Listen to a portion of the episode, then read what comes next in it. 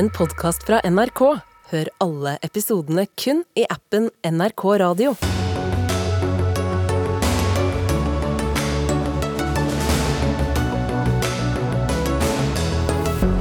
Regjeringen vil gi 75 milliarder til Ukraina de neste fem årene. Det er altfor puslete, lyder kritikken. Samene må få et eget språkombud, og samiske barn må ha rett til plass i samiske barnehager, sier en sametingsråd. Ber om penger når han møter kommunalministeren hos oss. Melodi Grand Prix samlet én million seere i helgen. De sparer ikke på noe, bortsett fra på penger til artister og låtskrivere, kritiserer bransjeorganisasjonen. Og ballongsaken har gjort forholdet mellom USA og Kina enda verre. Hendelsen er pinlig og flau for kineserne, mener en forsker. Dette er noen av sakene i Dagsnytt 18 denne mandagen. I studio Sigrid Solund. 15 milliarder kroner årlig i fem år framover. Det er hva regjeringen ønsker at Norge skal forplikte seg til å gi til Ukraina, og la fram forslaget for de parlamentariske lederne på Stortinget i formiddag. I år er beløpet delt i to, der halvparten går til sivile formål og resten til våpen og utstyr. Statsminister Jonas Gahr Støre, 75 milliarder på fem år, hvorfor lander akkurat der? Det er et veldig stort beløp. Eh, det er jo den største satsingen Norge har gjort eh, noen gang av dette, denne karakter. Og det er fordi situasjonen er ekstraordinær. Vi mener det er et beløp som er en klar økning fra norsk side. Så er den varig, altså over fem år. Sender et signal til Ukraina om at vi står ved dem. Et signal til Russland om at vi ikke skifter fokus. Vi, vi ser dette også på som en veldig alvorlig situasjon for oss. Vi skal hjelpe Ukraina, men det er også våre verdier. Og så er det en størrelse på dette som vi mener vi kan da administrere på en god måte, så vi kan nå de målene vi setter. Som sagt, dette blir jo et veldig veldig stort uh, bistandsprogram. Hva er de målene? Ja, de Målene er jo uh, i første rekke at Ukraina kan komme dit at de kan gjenoppbygge landet sitt. Akkurat nå kjemper de jo for å bevare det. og Derfor er det i år anslått at det blir 50-50, altså forsvarshjelp, militærhjelp og sivilhjelp. Eh, det kommer til å bli mye på reparasjon, eh, infrastruktur som ødelegges.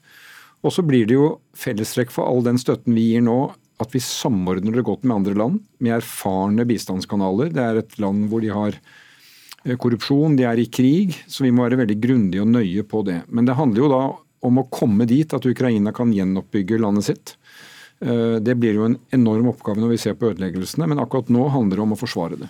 Men følger det noen kriterier med? Hvem er det som skal bestemme akkurat hva pengene skal gå til? Ja, Det er jo det vi nå har snakket med partiene på Stortinget om i dag, hvor vi går inn og ser på dette med humanitær hjelp. Altså Det er jo millioner på flukt inne i Ukraina. Eh, at de kan drive staten sin på noenlunde eh, levelig måte. Og at de så kan gjenoppbygge det på en måte som er varig. Militærhjelpen er jo og samordne det med andre land, slik at de våpnene som Ukraina trenger for å forsvare seg, opplæringen de trenger for å bruke de våpnene, at det blir gitt på en god måte. Og Der har vi jo lært mye i året som gikk, at dette ikke bare er ett og ett land som gir, men at det blir samordnet, så ikke du får flaskehalser på vei inn i Ukraina. Dette kan jo bli en veldig langvarig krig. Hvor lenge ser du for deg at Norge skal bidra? Ja, når vi har lagt opp til et femårig program, så er det basert på erfaringen fra ett år som vi har hatt nå. Hentet mye erfaringer fra det. Og jeg ønsket å invitere, Regjeringen har ønsket å invitere da partiene på Stortinget til en bred enighet om dette over fem år. Fem år er lang tid. Det er over et stortingsvalg i Norge. Så får vi en bred enighet, så kan vi sende et signal om at dette blir Norge gjenkjennelig på. Men det er jo bare å håpe at denne krigen kan bli avsluttet. At ikke ødeleggelsene skal fortsette, at vi kan komme til gjenoppbygging.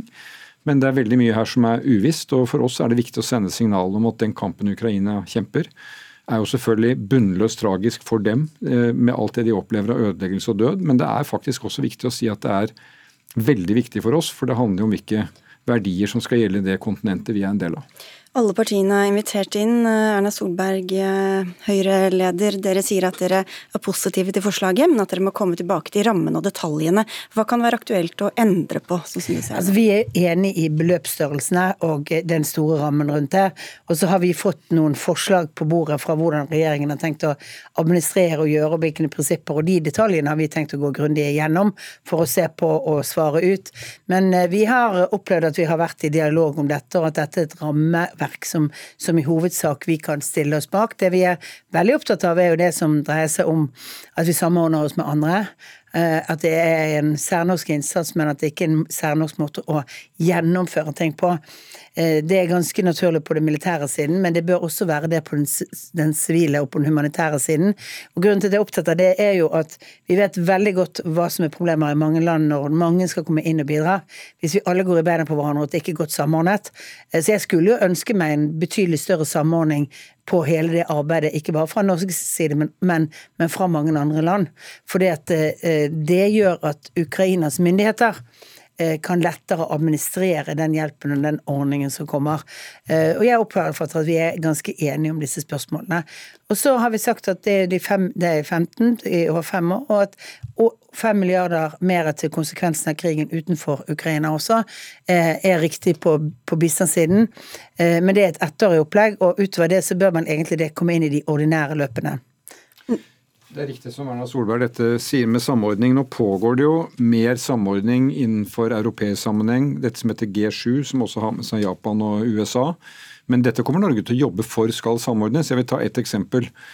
Ukraina øh, holdt på å gå tom for gass, eller Kiev-regionen, øh, denne vinteren. Og Norge, En av de største innsatsene vi gjorde siste år, var da å bevilge penger til at de kunne kjøpe og lagre gass i Kiev. Da gikk vi inn med den europeiske banken for konstruksjon og utvikling i London. Eh, vi stilte et beløp til disposisjon, og da kom land som Frankrike og Tyskland inn. Det ble samordnet med en veldig erfaren bank som kunne sørge for at de pengene først ble gitt når eh, kjøpet var gjort. Eh, og dette er kommet på plass på en god måte. Så vi må ha flere av de mekanismene, og det kommer også Norge til å jobbe med. Og jeg er trygg på at vi har erfarne folk i Norad, i Utenriksdepartementet, i vår bistandstjeneste. Og jeg vil gjenta, dette er jo penger som skal ut av Norge, ikke inn i Norge.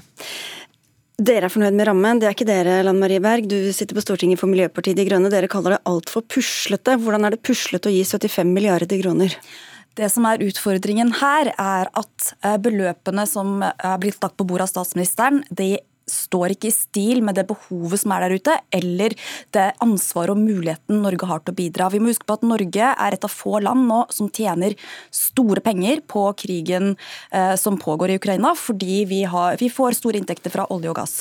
Og eh, bare i fjor så var jo de inntektene på 1000 milliarder kroner ekstra inn på oljefondet. Det samme beløpet omtrent er beregnet for i år. Og opp mot det så blir 75 milliarder kroner over fem år ikke et veldig stort beløp. og Derfor så har vi tatt til orde for at man bør gi vesentlig mer. For vi vet at både bare gjenoppbyggingen av Ukraina er estimert til å koste rundt 3500 milliarder kroner.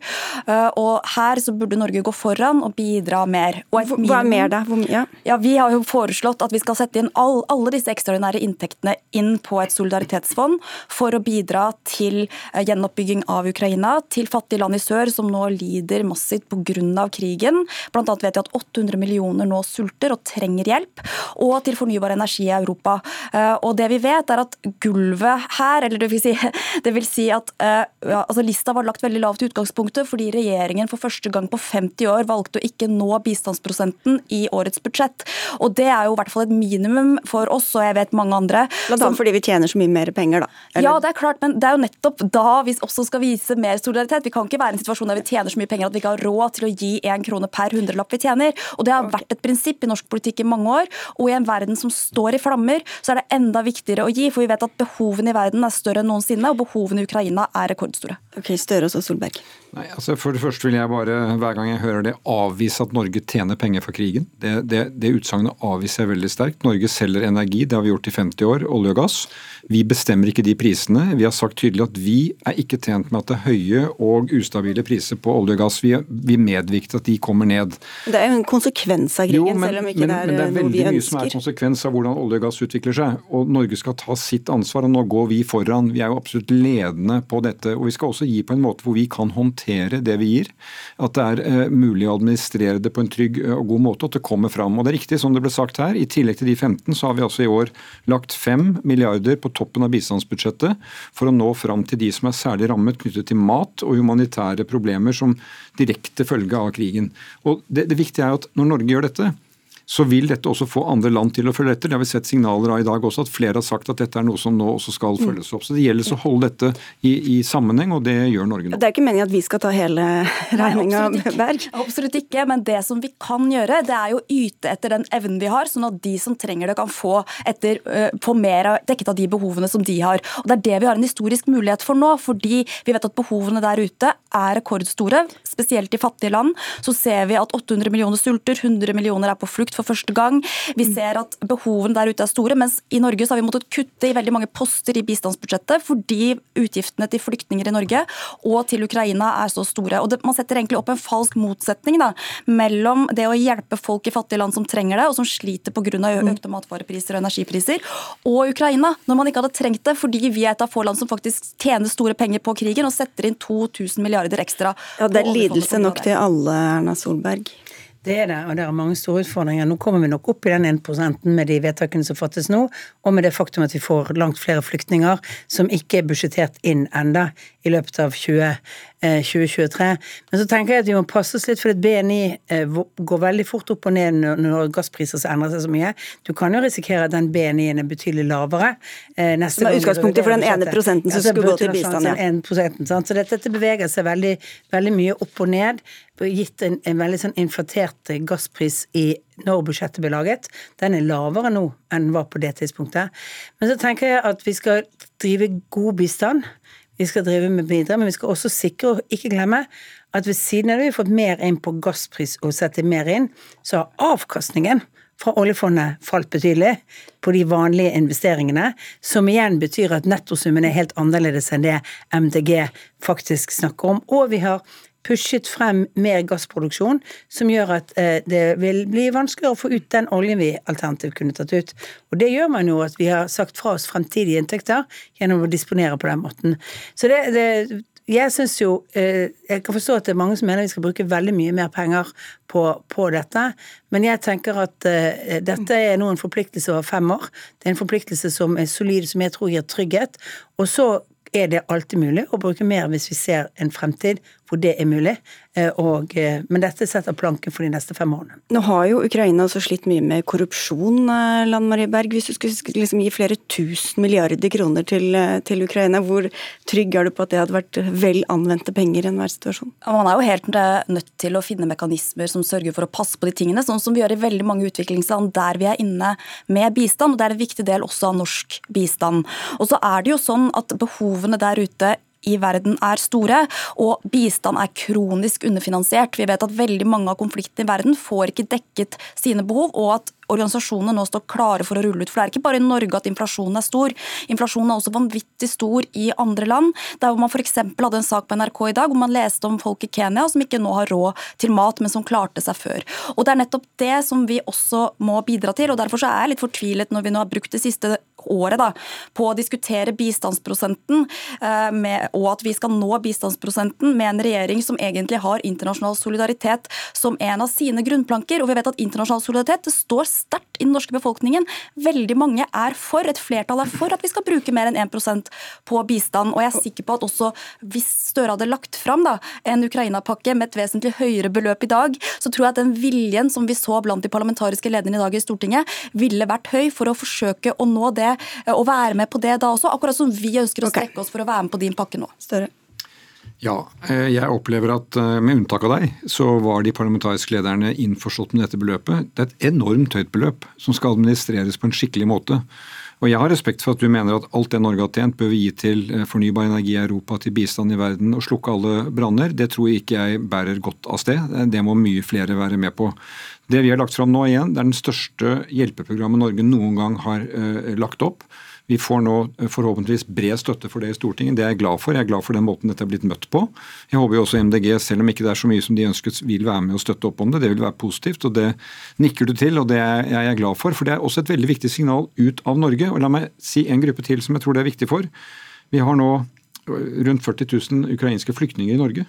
Og vi har fått tilbakemeldinger fra dem i dag. Det å se at det er et samlet Norge som står bak at vi skal støtte eh, Ukraina, det er viktig eh, for dem. Og også President Zelenskyj har i dag også sagt at dette er en enorm oppmuntring for dem i den kampen de står i, og det er jeg glad for at det budskapet er mottatt der.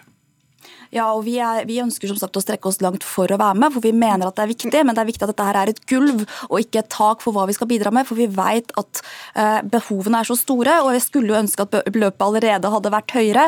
Eh, men noen eh, ting må vi klare å nå. Det er bl.a. at vi må klare å tydelig nå bistandsprosenten gjennom denne mekanismen. Og så får vi håpe at statsministeren vil legge fram budsjettet framover, der man når bistandsprosenten gjennom de ordinære statsbudsjettene og ikke gjennom sånne ekstraordinære prosesser. Okay. Men ut fra signalene her så blir det i hvert fall den summen som blir stående, virker det som, Erna Solberg? Det er iallfall vår, vårt, uh, vårt uh, oppfatning. Vi har, vi har respektert at regjeringen gjør en vurdering av hva de mener de kan både effektivt drive, og hva som er rammer som passer. Og, eh, og, når vi også får et tydelig trykk på spørsmålet om å lage gode internasjonale mekanismer, så er det et viktig forhold til hva vi er opptatt av. Vi får se da om andre land kommer etter. Takk skal dere ha alle tre. Statsminister Jonas Gahr Støre, Erna Solberg, leder for Høyre, og Lan Marie Berg, stortingsrepresentant for Miljøpartiet De Grønne.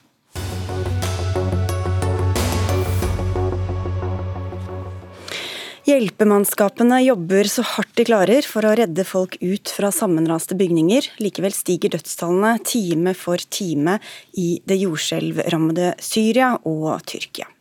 Jordskjelvet i natt var på 7,8 på Richters skala, og i formiddag kom enda et kraftig skjelv på 7,5. Det er særlig det sentrale Tyrkia som er rammet, men også Damaskus, hovedstaden i Syria. Flere enn 2400 mennesker er til nå funnet omkommet. Yama Olasmal, du er Midtøsten-korrespondent, og skjelvene var merkbare også i Beirut, der du bor. Du fortalte i morges om hvordan dere kjente skjelvet i leiligheten i natt. Hvordan har dagen vært etterpå? Vi slapp heldigvis med skrekken, men vi fikk en bitte, bitte liten smak på den skrekken og den forferdelsen som preger de jordskjelvrammede områdene i Tyrkia og Syria. Og Tallenes tale eh, viser hva slags katastrofe verden er vitne til i disse to landene. Eh, det har vært 5000 eh, bygninger som, har fått total, altså som er totalskadd i både Syria og Tyrkia. Det har vært skjelv etter skjelv som har rystet disse områdene. Minst fem av skjelvene har blitt målt til over seks i styrke. Det er utrolig høyt. Det har vært 145 etterskjelv siden eh, i natt. Og på toppen av det så herjes de jordskjelvrammede områdene av et forferdelig uvær. Det er piskregn, det er kaldt, det er eh, snø, eh, det er bitende kaldt. Og nå senker også mørket seg over de jordskjelvrammede områdene, som gjør søk og redning ekstremt vanskelig i de kritiske timene hvor man håper å finne flest flest mulig overlevende. Vi skal komme litt tilbake til det, men ut fra hvor store områder som er rammet og hvor mange som er savnet, hva slags dødstall kan vi komme opp i etter hvert? Det er veldig vanskelig å si, men det vi vet er at eh, store områder i Tyrkia og eh, Syria er rammet. Det bor mellom 10 og 15 millioner mennesker i disse områdene. Skjelvene har vært eh, ufattelig kraftige. Til sammenligning så ble Tyrkia rystet av et, et gigantisk skjelv i 1999 som målte 7,6. Da døde over 17 000 mennesker. Og skjelvene vi har opplevd siden i natt, har vært langt over det. Så Det gir en indikator på hva slags dødstall man frykter rykter kan komme etter disse skjelvene. Du har også snakket med en del mennesker gjennom dagen. Hva er det de har fortalt deg? Jeg har snakket spesielt med folk i Syria som er ufattelig hardt rammet. Dette landet som har blitt eh, revet i stykker av en eh, brutal borgerkrig. Noen av de verst rammede områdene gjennom den borgerkrigen har vært Idlib-provinsen i eh, nordvest i landet og Aleppo, Syrias nest største by. De har blitt rystet gang på gang av skjelvene. Jeg har snakket med folk der som er dypt fortvilet. For i motsetning til Tyrkia, som er et relativt velutrustet land, det er et moderne land, de har mektige allierte allierte som nå strømmer til og hjelper tyrkerne, så fins ikke den hjelpen i Syria. Der er noen få hjelpeorganisasjoner i gang med søk og redning. De mangler grunnleggende ting som gravemaskiner. Man står, man, jeg har sett bilder av familier som graver for hånd gjennom ruinene, prøver å skjære seg gjennom betong og armeringsstål for å komme til sine venner og sine kjære. Så det er helt forferdelige scener som utspiller seg, spesielt i Syria. De som følger oss på TV, også kunne se bilder av redningsarbeidere som løper rundt med blodige barn og forsøker å redde så mange de klarer. Jørgen Halvorsen, du er utenlandssjef i Norges Røde Kors. Hva vet du om hvordan dette hjelpearbeidet pågår nå? Vi er jo helt i, i første fase her, eh, hvor det dreier seg om eh, søk og redning, som det blir sagt her. Eh, så ligger det masse mennesker under bygningsmasser. Eh, eh, og, og, det er store utfordringer med å få tilgang. Altså bare det å få maskiner til å flytte eh, bygningsmasser vekk, men også det å få tilgang, som ble nevnt, inn i f.eks. områder som ikke er kontrollert av syriske myndigheter. Så, så, situasjonen er desperat på bakken. Dette er en kamp mot klokken, som det blir sagt, eh, de første par dagene. Ja, hvor lenge kan det være håp om å finne overlevende? Nei, altså To-tre dager er jo det man ofte sier, men det er jo helt avhengig av andre forhold. Eh, det er jo vinter der, det var minus tolv grader i dag når vi snakket med, med noen i, Syria. Eh, det regner, det er kaldt. Pluss at situasjonen i Syria var ikke så veldig bra før dette jordskjelvet heller. Vi skal prøve å få et bilde av hva dette jordskjelvet faktisk går ut på. Anne Strømmen Lykke, du er geolog og direktør ved forskningsstiftelsen NorSAR. 7,8, hva, hva, betyr det egentlig? Hvor kraftig er det? Det er ganske vanskelig å forklare, fordi eh, skalaen er så veldig stor. Sånn at for hvert sånn magnitudetrinn, altså fra 1 til 2 og videre, så er det 30 ganger så mye energi som utløses. Så når vi på Vestlandet av og til får masse telefoner til også at det klirrer i skapet, så er det stort sett sånn styrke 2-2,5. Det merkes av mennesker. Og så krabber man veldig fort oppover i utløst energi. Og når du runder sånn 6, så er det veldig vanskelig å stå oppreist. Og så er det jo sånn at jo nærmere episenteret man er, jo, jo verre er det jo. Så var det jo veldig interessant å høre at man eh, nesten ikke sto uten å holde seg i veggen helt til eh, Beirut. Så dette er et jordskjelv som man registrerer over hele verden. Så vi har sett det på våre målinger i Antarktis og Svalbard. Det er helt tydelig. Hvor utsatt er dette området for jordskjelv? Dette er veldig utsatt for jordskjelv. Eh, man kan tenke seg at jorden har som plater som beveger seg, eh, og den afrikanske platen kommer sakte, men sikkert nordover og dytter på den europeiske, og inn fra siden så kommer det en liten plate som heter den arabiske platen, sånn at Tyrkia ligger kinkig til, da, og, og, det er et veldig aktivt uh, jordskjelvområde. De har mange jordskjelv hvert år, men stort sett i størrelse fem, eh, som de håndterer overraskende bra, må jeg si. Det er veldig Ja, For det er også ganske kraftig ja, også jordskjelv? veldig kraftig. Vi hadde fått en ordentlig forskrekkelse hvis vi hadde opplevd det. Mens eh, dette som er nå, det er jo helt ubegripelig stort. Hva er det som avgjør hvor dramatisk selve selv, altså følgene blir? Hvor mange bygninger som kollapser osv.? Ja, Det er jo selvfølgelig størrelsen, men så er det også litt hva slags bygninger som er i det området, hvor tett det er bebygget, hvor mange mennesker som bor der.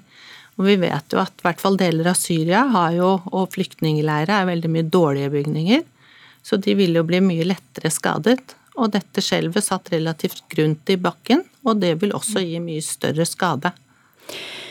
Haldersen, du har vært med på redningsarbeidet etter jordskjelv selv i Pakistan og Haiti. Hva, hvor begynner man, hva gjør man når man kommer til et sånt katastrofeområde? Um, altså Første fase er jo veldig kaotisk, for å si det sånn. Eh, de som responderer uh, først til jordskjelv, er jo de som bor i disse områdene. Og det er uh, lokal beredskap. Uh, våre partnere, Røde Halvmåne, både i Tyrkia og i Syria er jo de som har vært med å mobilisere her eh, gjennom natten etter dette skjedde. Så, så, første fase er jo søk og redning, eh, men så er det mange andre aktører der. Så et, et viktig poeng er jo det å, å, samkjøre og få koordineringen til å begynne å skje, ofte med FN og, og myndigheter i, i spissen. Ehm, så noe av dette vil jo ta tid. Ehm, og så er det, som det ble sagt her tidligere, eh, på tyrkisk side så er det en helt annen kapasitet. Vi er jo veldig bekymret for situasjonen inne i, inne i Syria, eh, av alle grunner nevnt. Så, så de neste par dagene her blir, blir, eh, blir utrolig viktige. Men kan det da, hvis det først har vært skjelv én gang, Lykke, er det stor fare for at det skjer samme sted om igjen, eller? Ja, det er det absolutt. Eh, det er jo det som på en måte kjennetegner sånne aktive jordskjelvsoner. Og så er det jo ikke gitt at det blir like stort, men det vi ser av så store skjelv, er jo at det kommer en serie med etterskjelv som dabber litt av i størrelse, men det kan vare ganske lenge. Og så så vi nå i dag at det var et nytt skjelv på størrelse 7,5 på en eh, annen forkastningssone, sånn ti mil unna det første omtrent, og da er du i gang igjen eh, med en egen serie med etterskjelv. Så dette kommer til, jeg er redd for, å vokse i skala. Ja, Så dette redningsarbeidet vil jo også være veldig farlig, da? Ja, det vil det være. Hva er det viktig å, å få av støttefunksjoner og sånn da, Halvorsen? Nå hørte vi også om været, du sa selv det var minus tolv grader. Hvordan driver man med redningsarbeid i et sånt uh, vær?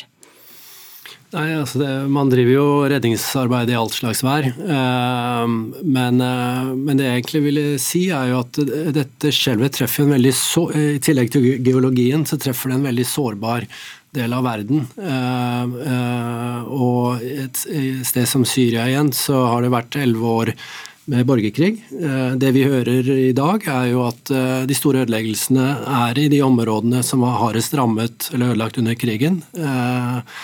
I tillegg så har det vært økonomiske problemer, inflasjon, det er nesten ikke bensin og diesel i landet. Så her er det store forskjeller på, på, hvordan situasjonen var i utgangspunktet. og Sånn sett blir responsen også enda mer krevende. Til slutt, Lykke, Hvorfor er det ikke mulig å se at her kommer det et skjelv, og få advart de som bor der? Jeg skulle vi gjerne greid. Eh, det forskes det intenst på. og Både California og Japan har jo gjort en stor innsats på det. Vi holder på i Norge òg. Men det man greier, det er liksom å begrense det til noen titalls sekunder, hvor man ser at det er mulig å alarmere, men det er, det er et kjempevanskelig eh, utfordring. Man vet veldig godt hvor det kommer til å komme jordskjelv. Man vet ganske godt også hva sannsynligheten for hva det maksimalt kan bli. Men når, det er fremdeles et mysterium. Hm, ingen varsler som Veldig få varsler. Nei. Takk skal dere ha, begge to, for at dere var med i Dagsnytt 18. Anne Strømmen Lykke, som altså er direktør ved forskningsstiftelsen NorSAR, og Jørgen Holdersen, utenlandssjef i Norges Røde Kors, og vår egen korrespondent Yama Wolasmal.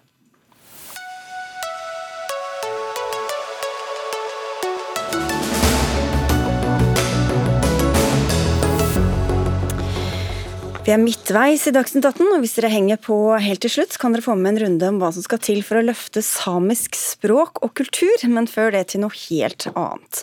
I dag ble Jonny Vassbakk dømt til 17 års fengsel for drapet på Birgitte Tengs i 1995, i tråd med aktoratets påstand. Vassbakk har sagt hele tiden at han ikke er skyldig.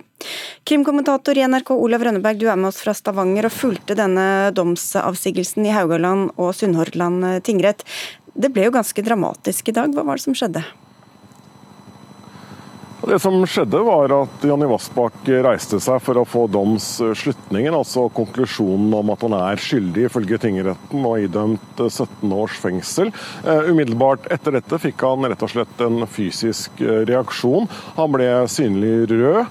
Han måtte holde seg og støtte seg i bordet foran seg før han satte seg ned på en stol. og Da gikk det bare noen sekunder før han rett og slett falt om i retten. Han besvimte foran øynene på dommere, aktører og pressefolk. Rett Retten ble umiddelbart hevet. Han fikk førstehjelp av politifolkene som passet på han. Han fikk hjelp av sine egne forsvarere og ble etter hvert tatt ut på et bakrom. Der kom det en, etter hvert en ambulanse og en lege. Eh, han kom til seg selv igjen og var etter forholdene i god form, ifølge forsvarerne hans, men han var da ikke i stand til å fortsette å følge denne domsopplesningen, så han ble kjørt tilbake til fengselet her i Stavanger, eh, mens eh, rettssaken fortsatte og domsopplesningen fortsatte i, i Haugesund. Og hva var det dommerne hadde lagt vekt på siden de kjente ham skyldig?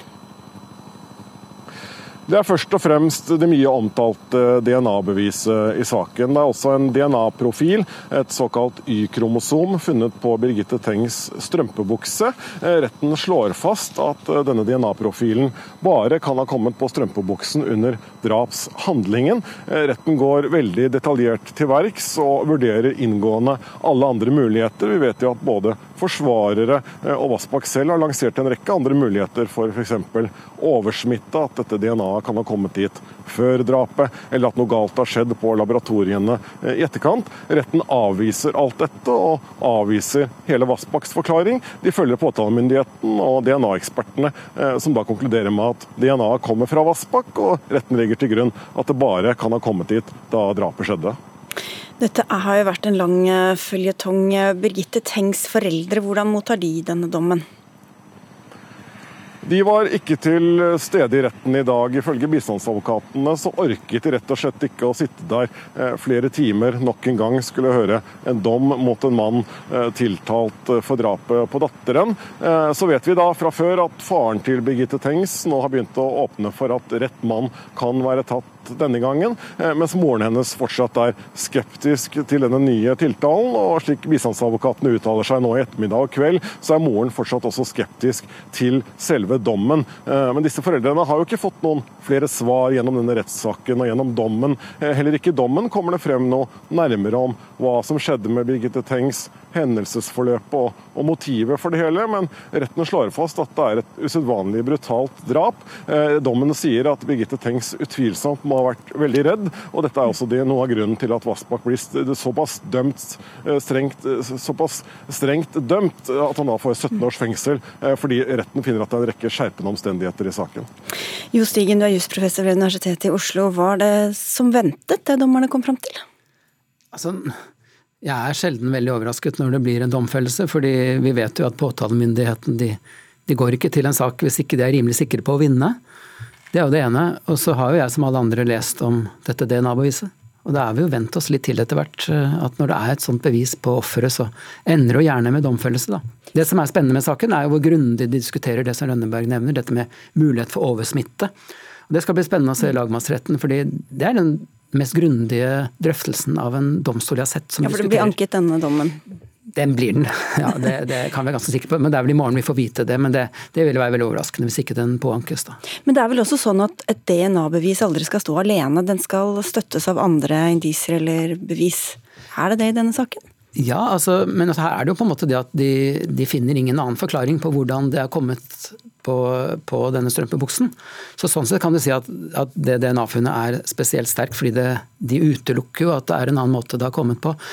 Og så har vi jo uh, manglende motiv, og vi har tidligere modus.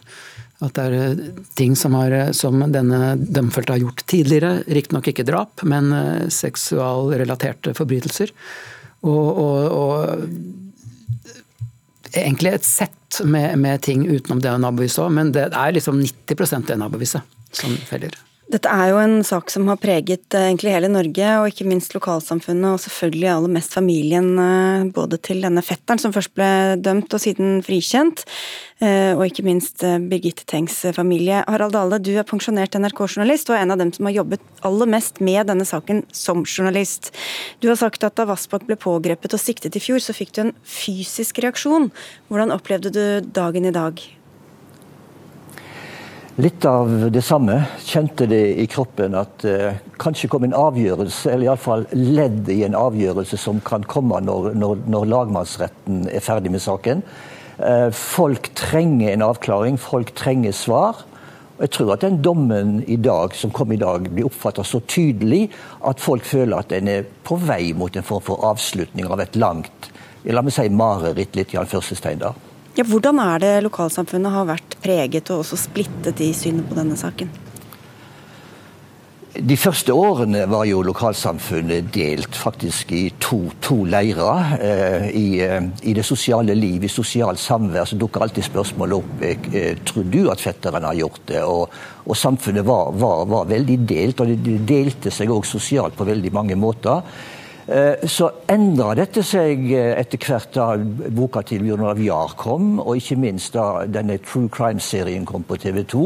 Så jevna det seg mer ut fordi at folk ved å følge med, lese boka, så fikk de på mange måter et beslutningsgrunnlag til å mene noe på som var felles for hele miljøet. Slik at dette spørsmålet som jeg opplevde så veldig mye før, tror du han har gjort det, det forsvant egentlig.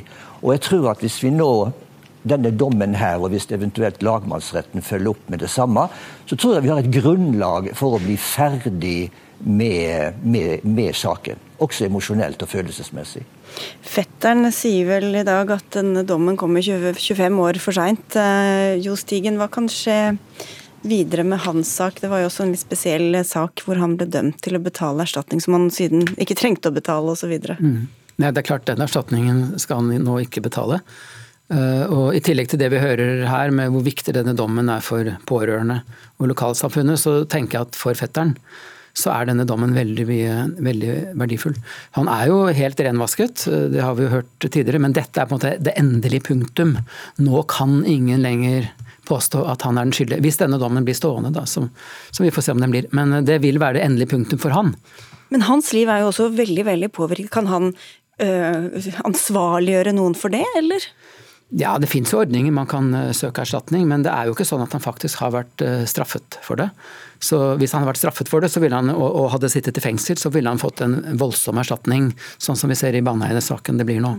Så, men en sånn posisjon er jo ikke han i Nei.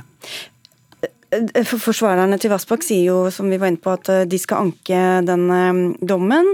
Det er jo en fare, eller hva skal vi si, det er en mulighet for at det samme skjer som det skjedde med fetteren til Birgitte Tengs, nemlig at han blir dømt i første instans, og så frifunnet i andre instans. Hva tror du det kan gjøre med folks syn på dette og rettsoppfatning?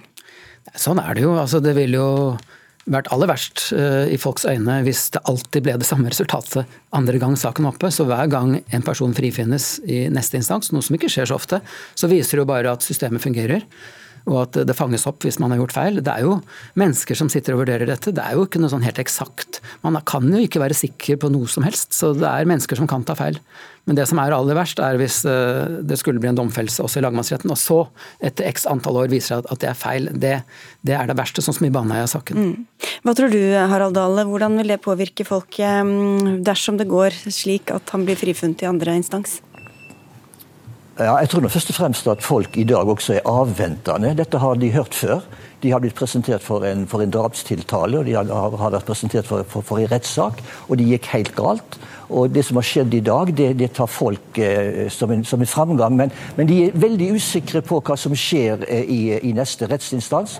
Så det som dere snakker om, det, det, det, gjelder absolutt fullt ut. Her er det ingen som tar noen ting for gitt, fordi de har erfart noe fra tidligere. Og Jeg har lyst, lyst til å legge til at det som er sagt om fetteren, det stemmer jo helt klart òg. fordi at i dommen i dag så er det en lang sekvens om fetteren der eh, hans mareritt med rettsvesenet blir, blir beskrevet, og det er, det er denne dommen tar 100% avstand fra det. Så per dato i dag så er han 100 ut av denne saken på absolutt alle måter. Takk skal dere ha for at dere var med i Dagsnytt 18. Jo Stigen, jusprofessor ved Universitetet i Oslo, vår egen pensjonerte reporter Harald Dale og vår nåværende kommentator Olav Rønneberg. Takk skal dere ha.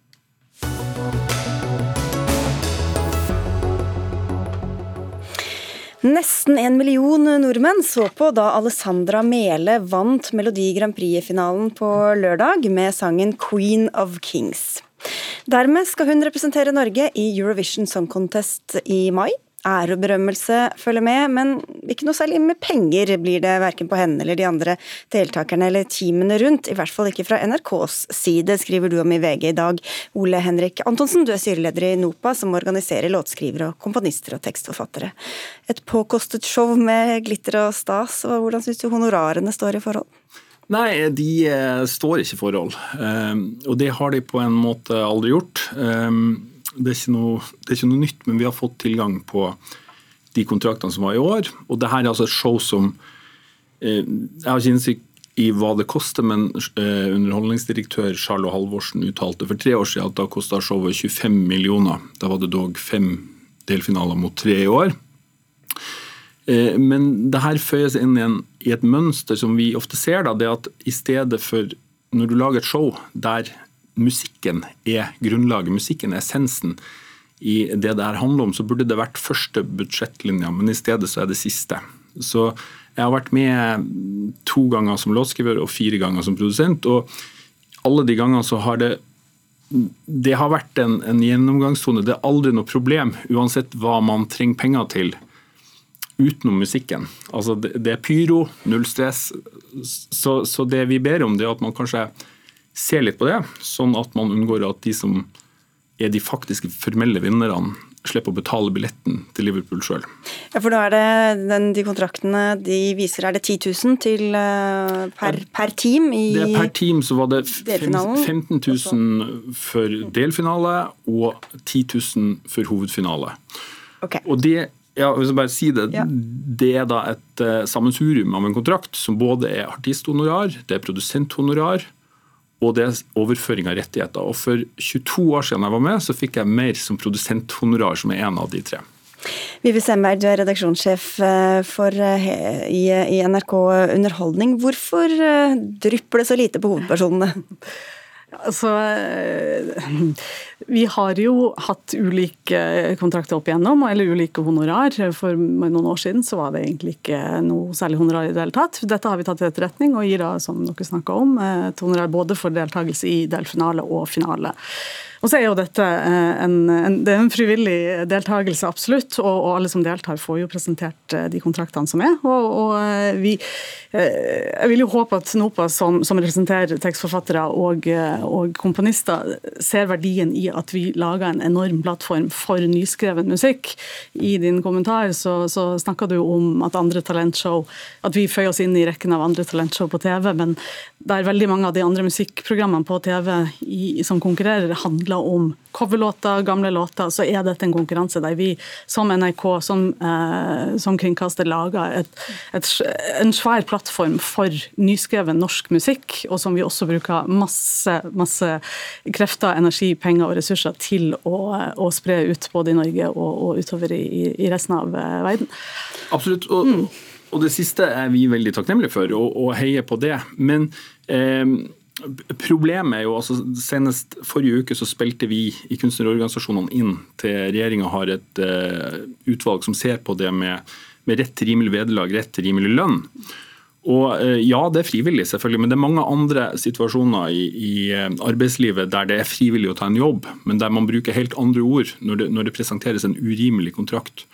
Og Jeg kommer fra musikkbransjen, jeg er vant, jeg har sikkert gjort meg skyldig å underbetale sjøl, men da har jeg ikke eh, Forskjellen er her at man har eh, over statsbudsjettet en, en, god finansiering. Man har også et moralsk ansvar, og NRK burde være best i klassen, ikke verst som det er nå. For, og dette er vel en holdning som mange kunstnere hele tiden blir møtt med, Stenberg. Du skal være glad for at du får presentere og at du får oppmerksomhet, og dermed så forventer vi at du skal jobbe gratis, nærmest. Ja, det, altså dette, er jo, dette er jo artister og, og låtskrivere som, som eh, jobber i denne bransjen, og de jobber jo ikke for NRK. De, gjennom NRK sin konkurranse og EBU sin konkurranse så får de mulighet til å vise fram sin musikk. Eh, og så er vi jo helt enige i at eh, vi kan se på det vederlaget som, som vi eh, har når det gjelder deltakelse i Eurovision. Det det, For der er det ingenting? Absolutt, nei, det tar vi absolutt til etterretning og syns det er et godt innspill på en dag som denne, eh, selv om vi gleder oss veldig over det resultatet som vi har. Men er det rimelig å sammenligne dette med lønninger når det er snakk om en konkurranse der man kan melde seg på for å være med? Jeg synes det, fordi at Essensen i dette showet er musikken. Og man kan gjerne si det er en konkurranse, men de som deltar er profesjonelle. Mm. Det er arbeidet deres. Og, og det, eh, hvis det har vært lite honorering før, så var det i hvert fall man fikk i hvert fall betalt altså Det er sånn i Grand Prix etter man slutta med orkester i 1998, tror jeg, så trenger du et komp. Du trenger en, eh, det som artisten synger på. Eh, og det er det noen som produserer, eh, gjerne de som skriver sangen. Det, det er et, faktisk et yrke. Eh, og for de så er det vanskelig å se den store oppsida, eh, selv når du eh, vinner. I alle fall når du deltar. Men, men, det er jo som du sier, det, dette er jo profesjonelle folk som, som vet hva de, hva de, deltar i. og eh, Vi sitter jo nå med en, en verdenshit, rett og slett, og vi sitter med flere andre hiter. Vi, vi, gir jo en mulighet. og Jeg sier ikke at folk skal jobbe gratis, men de lager låter som vi gir en plattform, som igjen får et publikum som de kanskje ellers ikke ville ha hatt. Så, så per nå så har vi Alessandra sin, Mele sin låt, som ligger som nummer én både her i Norge, men også på virallistene til Spotify i hele verden. Vi har Jone som har kommet som en rakett rakett og nå ligger på fjerdeplass på, på, på Sony. Så, så, låtene er jo der ute, de blir spilt. De igjen eh, genererer inntekter til artist og låtskriver, eller låtskriver i hvert fall. Ja, vi kan gå gjennom hvor mye inntekter det faktisk genererer. Det er ikke de skyld, men, Spotify sin, sin så kjemperik av strømming som regel, mindre det er Beyoncé. Men uh, du sa at NRK har et eget særskilt ansvar, men det er jo veldig mange mennesker involvert i hver eneste sang. Og så skal det være delfinaler og veldig mange deltakere. Hvor mye penger skal man egentlig bruke på dette til komponister og låtskriver og artister? Det, det må man jo se på, selvfølgelig, men, men det som i hvert fall er sikkert, som sagt, jeg, jeg deltok for 22 år siden. Da fikk jeg mer betalt for å produsere trekket enn hele teamet får. Men da var det ikke seks låtskrivere Nei, men, og fire men produsenter? Si, poenget er at siden den gangen så har dette showet blitt mange ganger dyrere. Og det finnes et totalbudsjett, og alt har økt. Alt øker i pris hver eneste år, mens det her faktisk går ned. Og det er ikke bra. Men, men, i din kommentar så skriver du også at eh, NRK erverva eh, rettigheter til, til, den låten. Det, det, stemmer jo heller ikke. Altså, vi, det er et direkte sitat fra kontrakten. Som er, eh, vi erverver rettighetene til den opptreden som, som NRK ja. produserer, ja. som også artisten får Du eh, overfører rettigheter i den kontrakten. Til den opptreden som NRK produserer, det ja. visuelle, audiovisuelle. Men vi, tar, vi, har jo ingen inntekter på noen slags del av, Nei, av selve låten. Det er jo en rettighet. Så vi gir, en, vi gir jo en fantastisk opptreden til denne artisten med all, all den, eh, de ressursene det, det tar, og hvor de igjen får anledning til å bruke den opptreden fritt i, til å promotere sin, sitt, eh, sin, låt og sitt produkt. Hvorfor skal du gi honorar da i det hele tatt, hvis det er begrunnelsen? At man får eh, så mye oppmerksomhet og en fin plattform? Det, det, er klart det er jo, det er jo eh, Som du sier, vi, vi skal også være, eh, gi folk penger for det de, de, bidrar med. Og at det er jo ting ved den eh, de, deltakelsen som ikke nødvendigvis går direkte til, til opptreden osv. Så, videre. så eh, Så Men, absolutt. Men syns du ikke det er litt flaut at de som er faktisk de faktiske deltakerne, mm. må kjøpe et delegatpass? Hvis det er mer enn tre stykker, så må du kjøpe delegatpass for å komme inn på showet i Liverpool. Og her er det så at Jeg tror absolutt at vi skal se på, på eh, den modellen som, som, vi har. Og så har mye skjedd på de 60 årene som Eurovision har, eh, har, eksistert, og vi må kanskje henge litt bedre med i svingen akkurat her. Da har dere frem til mai, da, så får vi se hvor det henter. Takk skal dere ha begge to. Olo Henrik Antonsen fra NOPA og Vivi Stenberg fra NRK Underholdning.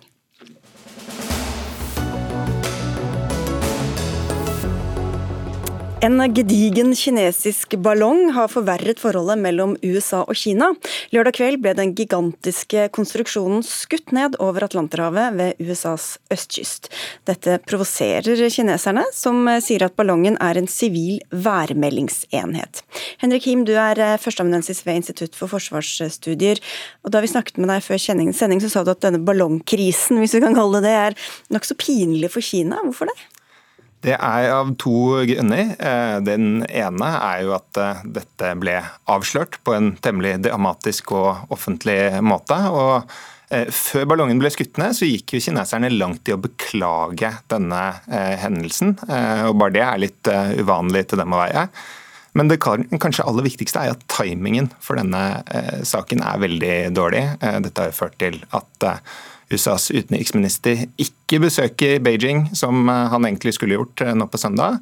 Og Det er mye som tyder på at dette besøket det ønsket Kina seg. De ønsket å få forholdet til USA inn i et mer stabilt spor, og nå har de isteden oppnådd at eh, forholdet er blitt forverra. Men hva kan da ligge bak at de sendte av gårde denne ballongen?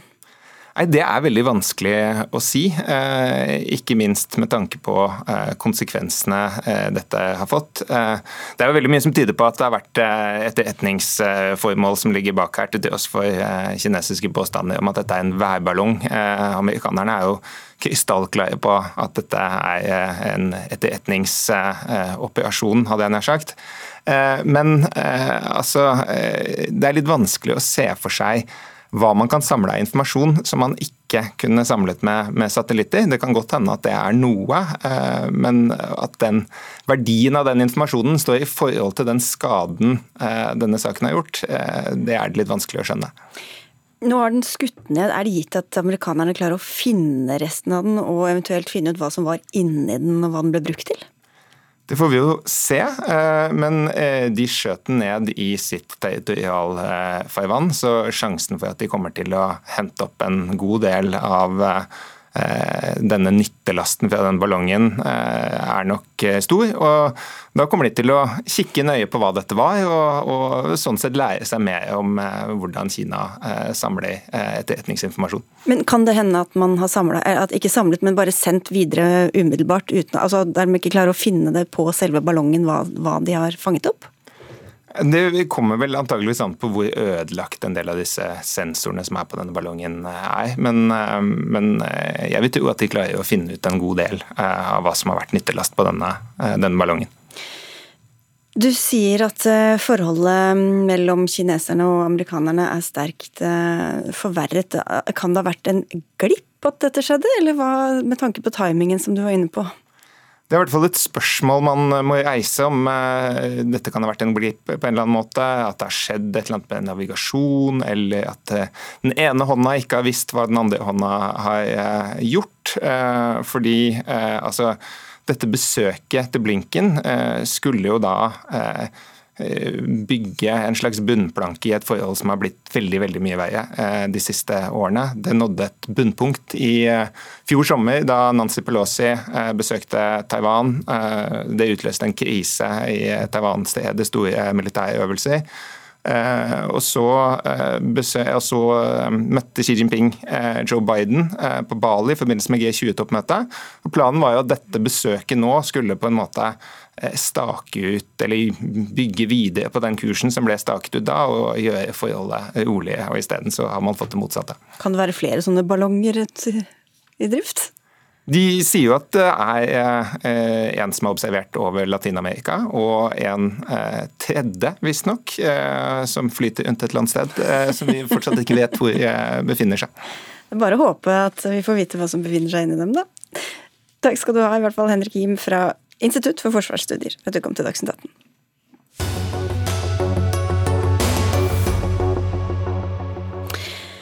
Alle sametingspresidentene gjennom tidene er enige om én ting, skriver VG i dag på samefolkets dag. Det er at de krever en mye større vilje fra storsamfunnet og Stortinget til å løfte samisk språk og kultur. Runar Myrnes Balto, du er sabetingsråd med budsjettansvar. Hva er det viktigste å få på plass, sånn som du ser det nå? Aller først ønsker jeg gjerne å eh, benytte anledningen til å eh, gratulere alle samer med dagen. For det er jo først og fremst en eh, festdag, det her. Jeg, da, nå virker jeg veldig uhøflig som ikke gratulerte med dagen, så da får jeg også gratulere med dagen. Liko Beivin og Gito. Ehm, og så det, eh, ønsker jeg å si at eh, i dag eh, på nasjonaldagen vår så er det jo veldig mange fine ord og fagre, fagre løfter om viktigheten av samisk språk og kultur, bl.a. Men mitt budskap, for å bygge på det de presidentene har sagt, så er det jo det at vi må ha mer enn fine ord. Vi trenger lovendringer, og vi trenger at eh, det kommer penger på bordet om samisk språk og kultur skal ha en eh, framtid. Vi har jo hatt en mange år med fornorskningstid. Hva har det gjort med stillingen til samisk kultur i dag? Vi har jo en situasjon der de samiske språkene og eh, samisk kultur eh, langt på vei er forsvunnet eh, i veldig mange områder. Og veldig mange enkeltpersoner har eh, tapt sitt forhold til samisk språk eh, og kultur. Nå kommer det jo en eh, rapport i år, 1.6, av Sannhets- og forsoningskommisjonen, som jo har granska det her og kommer til å fortelle sannheten rundt akkurat det her. Det som skjer etter den rapporten, det blir ekstremt eh, viktig. Da må vi få eh, på plass eh, tiltak som gjør at eh, det samiske folket eh, kan ta tilbake eh, samisk kultur, og også ta tilbake samisk språk og identitet. Ganske mye vet vi allerede, også kommunal- og distriktsminister Sigbjørn Gjelsvik. Hva gjør regjeringa for å motvirke konsekvensene av denne fornorskningspolitikken? Ja, Først av alt så vil jeg gratulere med dagen, jeg òg, liksom babyen. Eh, men eh, jeg tror det er viktig, altså som, eh, som Bolt var inne på. For første så er jeg veldig enig i at nå er det en I dag så er det en festdag, men det er utrolig viktig hva vi gjør de andre dagene i året.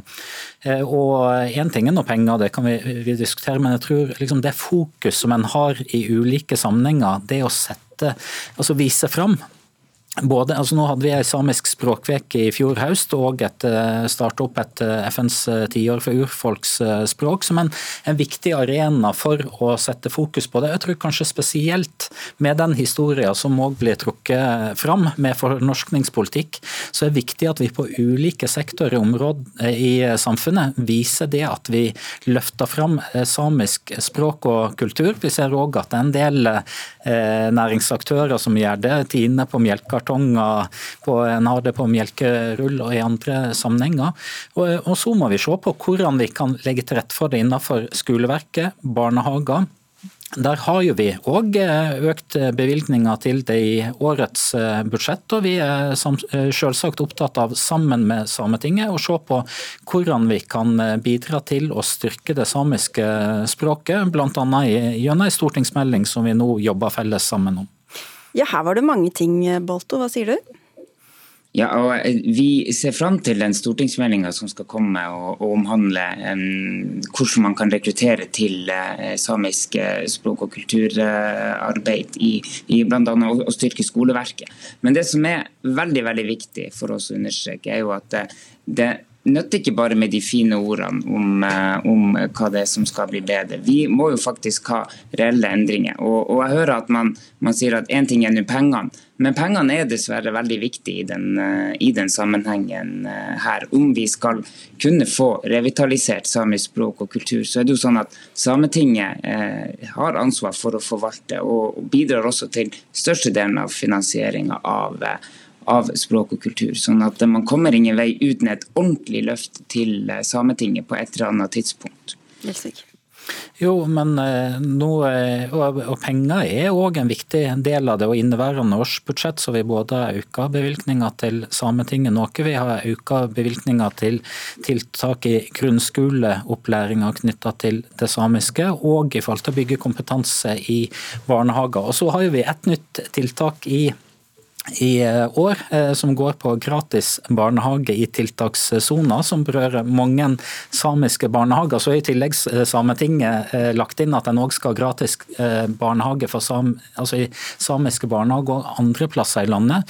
Men jeg tror veldig mye av kjernen handler òg om hvordan de jobber med rekruttering. Hvordan en sørger for at en får gode både lærere, førskolelærere og på andre områder i samfunnet. For det er jo klart at det, den fornorskningspolitikken politikken, som er en del av vår historie, det har jo òg ført til, sånn som representanten fra Sametinget viste til, at en har svekka det samiske språket, den samiske kulturen i en periode. Og vi må jobbe målretta i fellesskap med hvordan vi kan løfte den fram.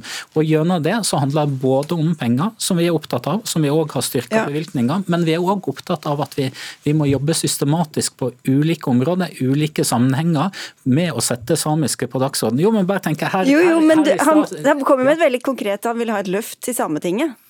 Jo, men altså, eh, Vi er opptatt av å, å diskutere budsjett med Sametinget. Jo, jo, jo, men, jo, jo, men altså, vi har tross alt både styrka i inneværende års budsjett eh, bevilgninger til Sametinget noe, og vi har konkret styrka bevilgningene både til tilskudd til opplæring i grunnskole knytta til eh, samiske, og i forhold til å styrke kompetanse knytta til barnehage. sånn at det, Av de tingene som Sametinget har løfta fram, som er helt enig i viktige spørsmål, så mener jeg at det nettopp innenfor et eh, stramt budsjett i år er noe av det som vi faktisk har vist at vi har prioritert. Ok, Balto, er du enig i det? det føler du deg prioritert? Nei, absolutt ikke. Og her tror jeg vel også Gjelsvik vil være enig i at det er ikke nok med, med noen millioner her eh, og, og, og, der. Jeg tror at eh, vi snakker om behov her da, for det samiske samfunnet når det kommer til språk- og kulturarbeid på, på en størrelsesorden som er ja, Vi har estimert til neste år 250 millioner at behovet ligger på det.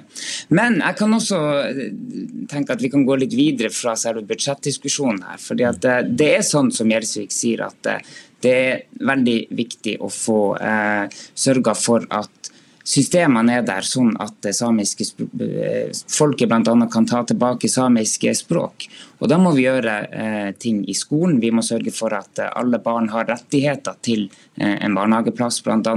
Og også får tilgang til skikkelige, gode skoletilbud på samisk språk. Så er det jo dessverre sånn i dag at mange ikke får det, selv om man har en rett til å få eh, undervisning på samisk. Og Da trenger vi en funksjon blant annet, som, som eh, gjør tilsyn med det her. Eh, og Vi har eh, fra Sametingets side pekt ut at det trengs et samisk språkombud som eh, tar seg av akkurat den oppgaven. Det har da, også Samisk språkutvalg gjort. Så det er mange ting som Skjønner mange ting.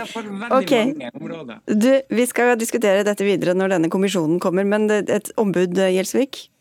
Ja, altså det er jo en av tingene som vi får se på. Nå har jo Sametinget fått i oppdrag i etterkant av denne NOU-en, hjertespråket som han kalte det, så har jo Sametinget fått i oppdrag å utrede det nærmere. og Vi får se på eh, resultatet av det. Men jeg tror uavhengig av hva en diskuterer rundt rettigheter, så er noe av det aller viktigste det at vi sørger for at vi får flere eh, samiskspråklige lærere, førskolelærere. altså den får... Og det er en litt lengre, lengre løp. Jo, men det er det det handler om til sjuende og sist, å ha folka til å gjøre jobben. Takk skal dere ha. Beklager manglende gratulasjoner. Vi har ikke så lange tradisjoner for å feire og jubilere i Dagsnytt 18. Men takk for at dere var med. Anne Katrine Førli, Vegard Erstad og Sigrid Solund takker for i kveld.